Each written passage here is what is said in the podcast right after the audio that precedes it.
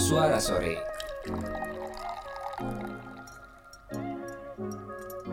Ngobrolin apa aja bareng Belaga Seto dan Chris Pradana.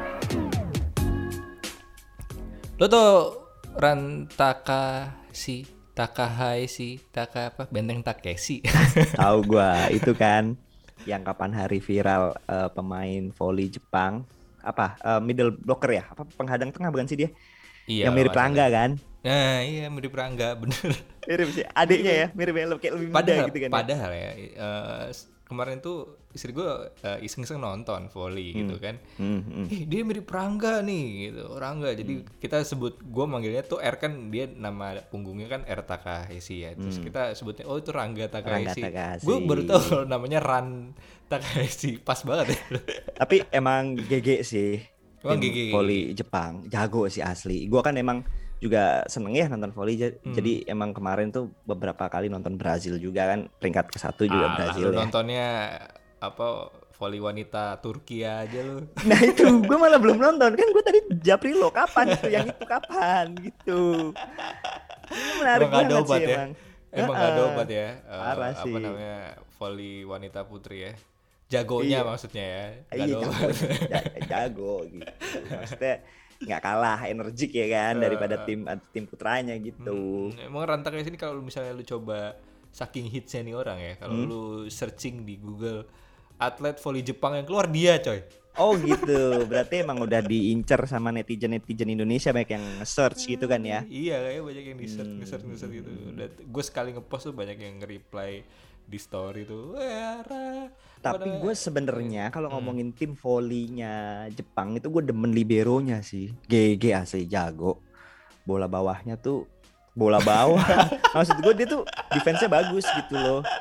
Dapet aja gitu. Ya emang libero libero kan tugasnya emang ini jago kan sih. pertahanan Emang. belakang kan. Yes. Emang Nah, dijago. seperti yang ya, ya kita bahas ini ya, emang beberapa minggu ini kita disibukkan oleh tontonan-tontonan Olimpiade. Akhirnya di, Yes. di, di kala kita apa namanya eh, work from home gitu ya, ppkm gitu ya, kita ada hiburan lah ya. bisa ada hiburan Olimpiade gitu sih.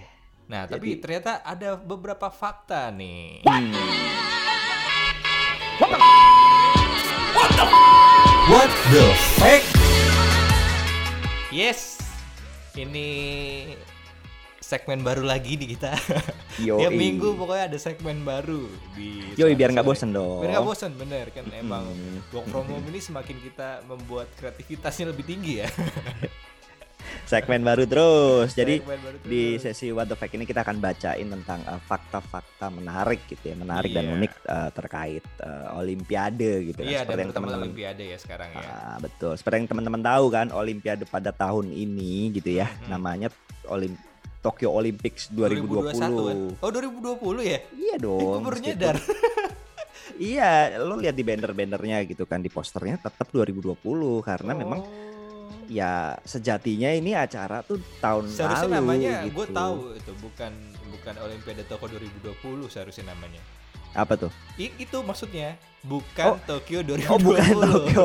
Lo pikir itu acara Bukan tukul bukan empat empat. mata.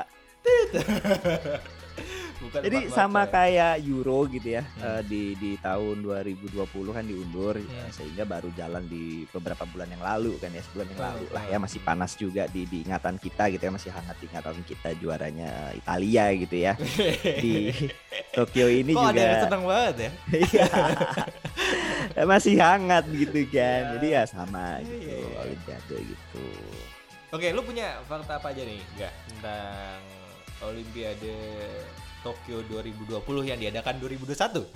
Iya, jadi memang selain tadi ya karena COVID eh, sehingga diundur eh, di Olimpiade kali ini itu diikuti oleh eh, 205 negara yang memperebutkan 339 medali emas di berbagai cabang olahraga Wih, gitu, Chris. banget ya.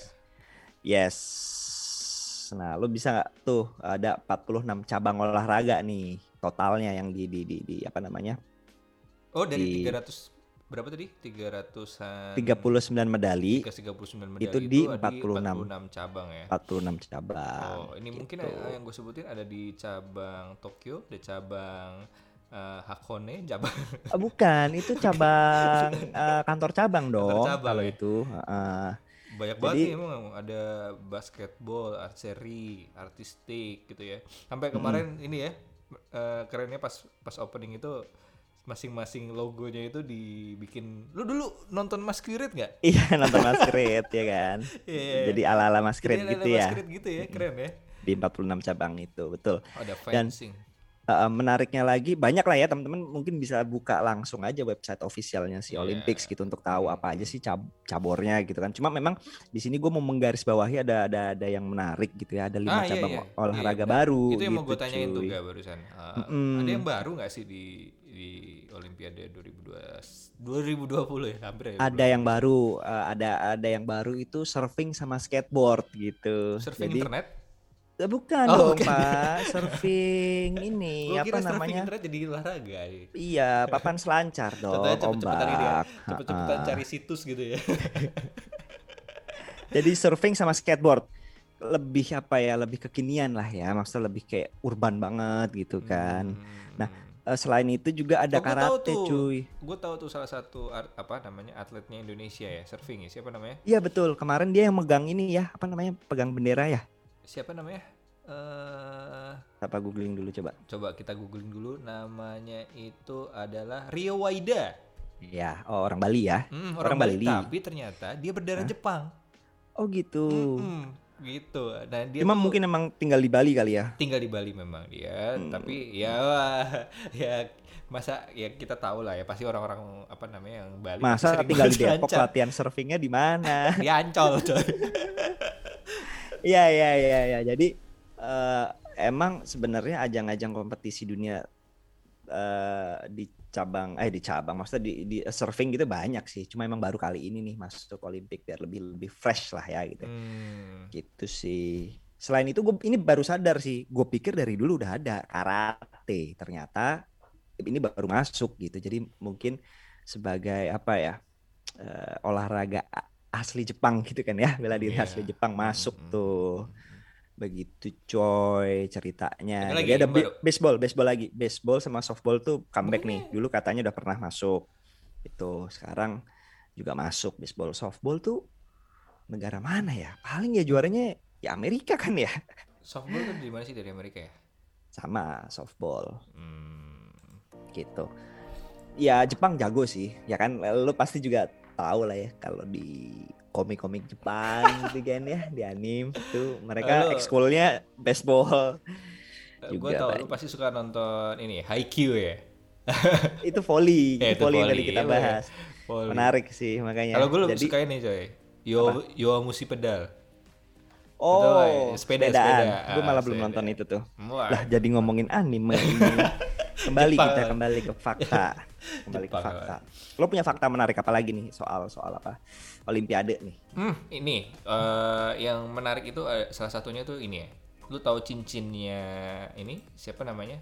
Rangga? Oh, bukan ya. Oh, Cincin Olimpiade. Mm-mm. Cincin Olimpiade yang lingkaran lima itu. Jadi Oke. waktu apa namanya eh, di sana di Jepang itu cincin Olimpiadenya itu berasal dari kayu warisan tahun 1964. Hmm. Jadi eh, jauh sebelum ini ya, sebelum Olimpiade yang sekarang ini, dulu eh, pernah waktu Olimpiade tahun berapa gue lupa ya. Berkurangin aja deh itu berapa tuh. Jadi 1967 lah ya. Ah. Itu ditanam eh, apa namanya eh, Oh, gitu. pohon itu. Nah, Oh ya karena karena Tokyo ini udah dua kali ya sama ini ya. Iya Hmm. Nah jadi waktu jadi apa namanya eh, tuan rumah 57 tahun yang lalu itu dia tanam pohon. Nah sekarang tuh di di apa ya? Digali eh, lagi. Digali lagi dan dan Ah. dibikinlah jadi cincin cincin apa namanya eh, Olimpiade itu. Keren ya? Oh, I see, I see, I see. Keren, keren, keren, keren, keren. Idenya keren banget sih dia. Emang Hmm, Jepang tuh visioner banget emang. Akan jadi tuan rumah nih di di, di beberapa puluh tahun mendatang gitu kan ya. Ah, ah, betul. Iya, iya, iya, iya, iya, iya. Gitu. Nah, ngomongin fakta tentang eh, Olimpiade tentunya kan nggak nggak apa namanya nggak nggak sah nih ya kalau kita ngomongin klasmen gitu kan ya. Hmm, hmm. Eh, kita ngomongin ini kan tadi dari 200 berapa tuh 205 negara gitu ya kita Hmm. ya kita akan bahas 10 besar lah ya dari dulu kan kita tahu eh, yang selalu jadi tiga besar nih ya. Eh, itu kan biasanya Amerika ya, USA, kemudian eh, Tiongkok ya kan, Hmm. Eh, People's Republic of China ini kalau gue baca di di, di web eh, resminya Hmm. Eh, dan dan biasanya sih Rusia gitu Oh, Rusia tuh masuk yang di atas ya? kuat, Rusia kuat. Nah, ada yang menarik soal Rusia pada tahun ini gitu pada Olimpiade saat ini gitu. Nah, mungkin teman-teman Apa hmm, udah ada yang notice belum ya? Bahwasanya lo nggak akan bisa nemuin nama negara Rusia di di di, di klasmen Eh? gitu. Coba-coba gue cari. Coba cari dulu. Ya, nggak ada. Nggak ya? ada pasti lo. Nggak ada. ya? Ya gue baru nyadar. Nah, jadi kalau gue bacain eh, lima peringkat ya, lima peringkat tuh ya. Hmm, Pertama Cina ya, Hmm. China, Tiongkok. Kemudian kedua Jepang nih sebagai tuan rumah, gua rasa eh, punya motivasi tersendiri ya. Ini jarang-jarang juga sebenarnya eh, Jepang ini em, ada di posisi lima besar gitu kan ya. Hmm, hmm. Kemudian ada USA yang pasti. Nah, yang keempat ini ROC sebelum yang kelima ada Australia. Jadi ROC apa sih gitu kan ya? Gue punya fakta menarik ter- tentang ROC ini. Apa tuh? Jadi ROC ini merupakan kepanjangan dari Russian Olympic Committee yang merupakan kumpulan para atlet Rusia yang bermain secara netral di Olimpiade Tokyo 2020. Nama ROC dipakai, tahu nggak lo kenapa? Karena isinya orang Rusia. Iya benar sih. Cuma maksud gua di sini ternyata Hmm. Rusia itu sedang dikenakan sanksi dibekukan Oh, iya, selama gua dua denger. tahun. Dua tahun apa Nah, empat tahun? eh, Empat tahun dari- kayaknya. Dari info yang gua dapat sih ini dua tahun ya. Dua mungkin tahun empat ya? tahun itu setelah apa? Kan memang Setelah yang waktu kasus yang terakhir. di Rio kan. Iya, di Rio. Olimpiade sebelumnya kan. Betul, Oh, betul. Dan mungkin ini dua tahun ini yang dari informasi yang gue terima mungkin memang eh, sudah dijatuhi hukuman dari dari pengadilannya gitu loh, pengadilan Hmm. arbitrase olahraga. Jadi Hmm. keputusan tersebut diambil lantaran Rusia dinyatakan bersalah karena gagal memberikan data tes narkoba Doping autentik ya. Oh, oh, atas tuduhan doping. Jadi mereka tuh dilarang menggunakan eh, nama Rusia, bendera Rusia. Jadi atlet-atlet Rusia yang nggak doping kan kasihan nih kalau nggak ikut ya kan. Oh, ini mereka juga boleh kalau gue baca ikut, tapi netral. kalau gue baca katanya juga nggak boleh nyanyiin lagu kebangsaannya juga ya. Iya betul. Diganti Di- diganti lagu klasik katanya ya. Iya lagu klasik. Penciptanya Rusia ya suku pak gue siapa ya namanya. Itulah pokoknya lagu klasik gitu. Jadi kalau di- mereka menang nggak boleh ada bendera eh, Rusia jadi diganti bendera Olimpik gitu ya. Hmm, Kemudian Olimpik gitu, juga. apa namanya merek pik pik Olimpik gitu. Lucu kali gitu ya. cuy. Iya iya iya iya. Oh gitu ternyata Rusia. Pantesan ya kemarin sempat beberapa kali kita lawan bulu tangkis tuh ngelawannya ROC ya. ROC Hmm. bahkan Gue kira Ragnarok, Ragnarok Online Komite gue kira. ROX. oh ROX itu itu ya. yang lagi hits tuh. Kalau lo mau bahas yang lagi hits hits tuh. Nah ngomong-ngomong soal ROC makanya itu gue kemarin ngeh juga ketika eh, Brazil lawan ROC kan ya ketat Hmm. banget tuh gitu kan kalah akhirnya. Oh iya. Iya maksud gue ini Rusia tuh kedua soalnya peringkat kedua cuy peringkat kedua dunia volinya gitu jadi awal tuh Sebenarnya kalau gitu kalau gua. perhitungan medali itu Mhm. satu orang dihitung satu ya. Kalau misalnya di dalam tim ada 11 gitu semuanya berarti dihitung agak satu lah kan. kan cabornya pak Oh cabur. Loh, cabornya enggak dong. iya Kalau dong. cabur, kalau Enggak maksudnya dong- gini kategori di cabur itu. Oh gitu. iya, ding cabur. Kategori di cabur itu ada banyak itu. ya di kategori Ya, misalkan banyak. ganda nih bulu tangkis ya dapat satu hitungannya ganda putra gitu dapat satu. Hmm. Bukan dua jadinya. Oh, Gitu. jadi totalnya Kalau sepak bola ya jadi nggak sebelas lah, jadi satu lah. cerah banget ya.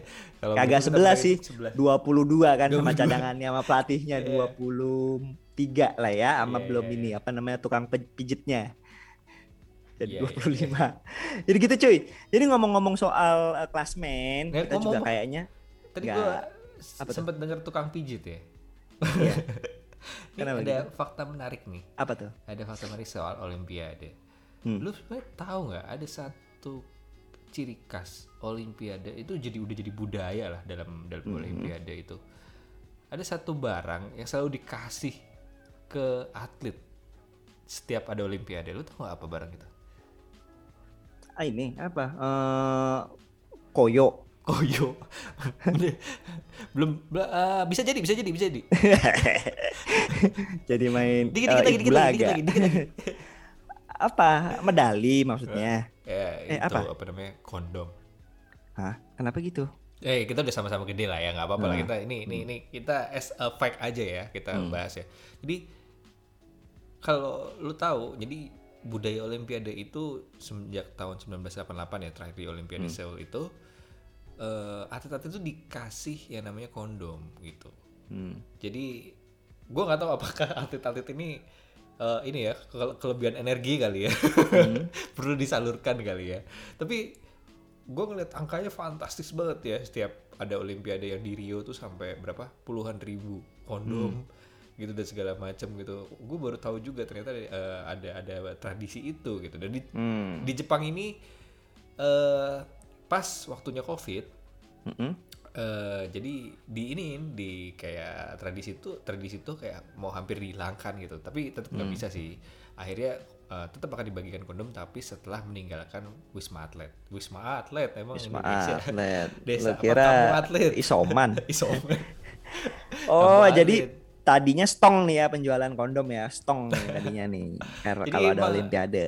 emang kalau dulu itu memang eh, apa ya salah satu ininya ya eh, tujuannya itu adalah mengkampanyekan ini loh kampanye anti AIDS HIV itu itu loh makanya dibagi-bagiin kondom gitu. Hmm, nice, nice, nice, Gue nggak tahu apa di apakah di Indonesia kemarin pas SEA Games akan di- dibagikan kondom. Oh enggak dong, kan si games bukan olimpik. Oh iya. Dibagiin ini aja eh balsam sama koyo aja. Iya, Bang. Minyak kayu putih sama minyak tawon dari Indonesia ya.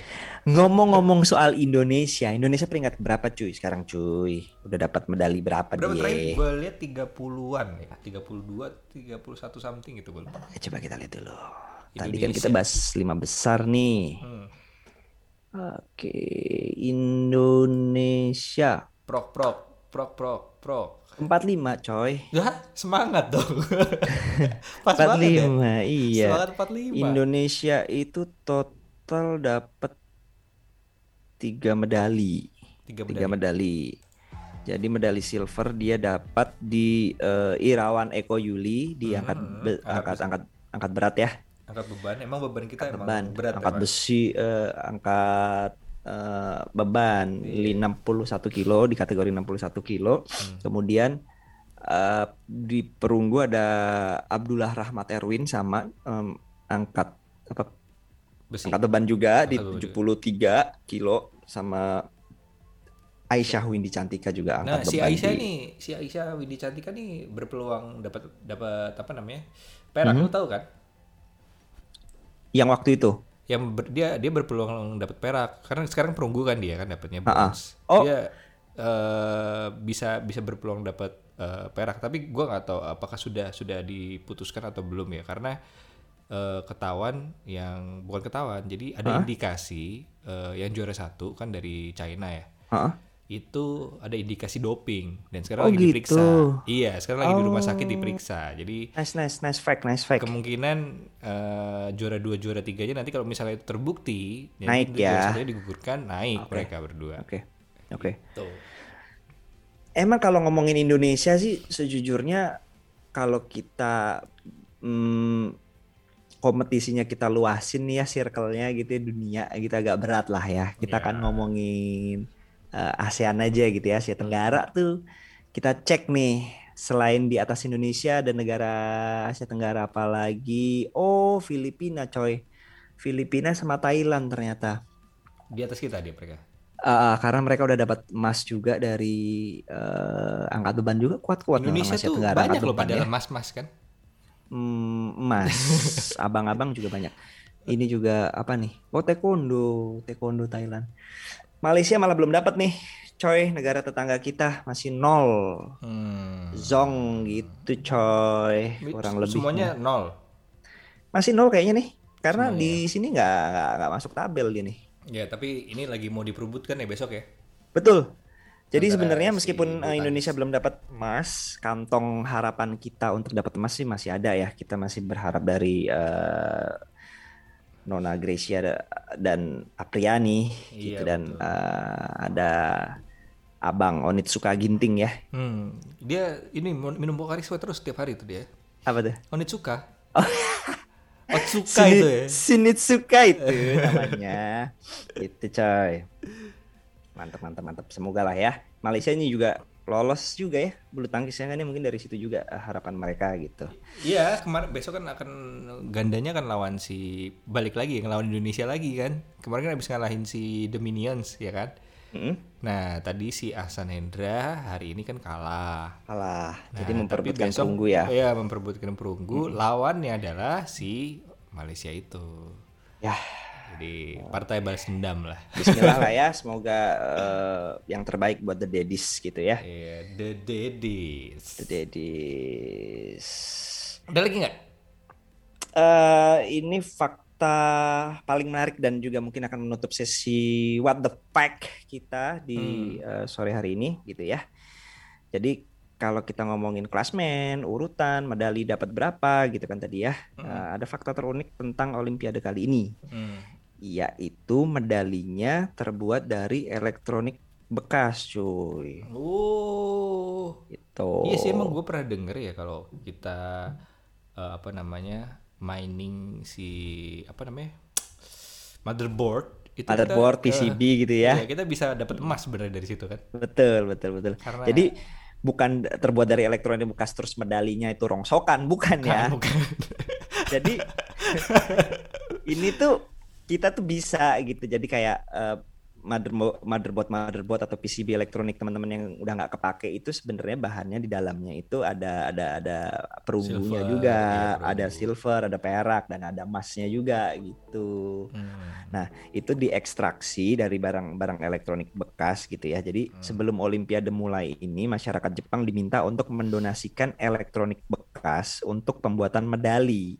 Nah, pengumpulan barang tersebut berlangsung selama 2 tahun, sejak April 2017 sampai Maret 2019. Total yang terkumpul sekitar 78.000 sekian ton lah gitu. Dan Iya. itu belum termasuk ada eh, barang yang apa ponsel lama yang disumbangkan dari NTT Docomo loh gitu. Jadi totalnya Oh. 5,21 juta tuh disumbangkan juga dari NTT Docomo tuh apa Keren namanya ya. ponsel-ponsel bekas. gitu. Jadi Kepikiran aja ya. Betul. Jadi apa ya recycle ya mungkin Recycle. Betul. hal yang menarik dari Olimpiade ini selain eh, tentunya karena kalau kita Tapi banyak. olahraga gitu kompetisi kan tentang Hmm. sportivitas gitu ternyata diajarkan juga soal apa nih recycling, Sustainability sustainability gitu-gitu. Betul. Dan memang memang di Tokyo 2020 ini emang uh, big momennya Jepang untuk menunjukkan bahwa Mhm. mereka itu apa ya uh, uh, cinta lingkungan lah istilahnya kayak gitu ya. Dari mulai dari mulai tadi lu bilang medali gitu ya. Kita lihat kemarin kasur gitu ya. Kasurnya apa namanya atlet-atlet itu dari apa namanya?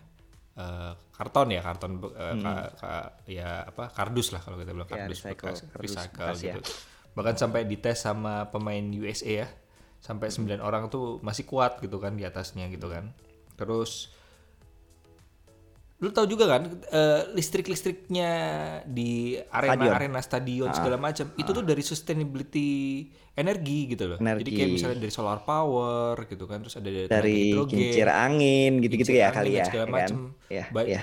macam-macam pokoknya uh, ada beberapa perusahaan-perusahaan energi di sana terutama yang uh, yang sustainability energi itu di dikontrak lah sama Tokyo Hmm.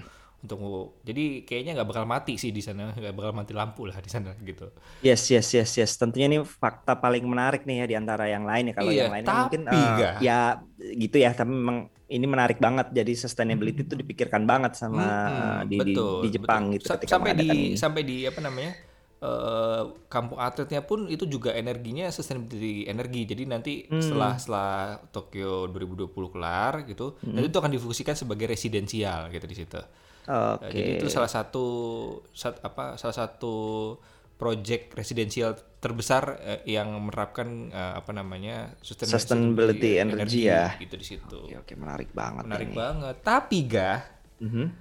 lu tau juga nggak di balik itu semua sebenarnya eh, apa dana yang dikeluarkan di Tokyo 2020 ini itu dicatatkan terbesar sepanjang sejarah sejarah Olimpiade.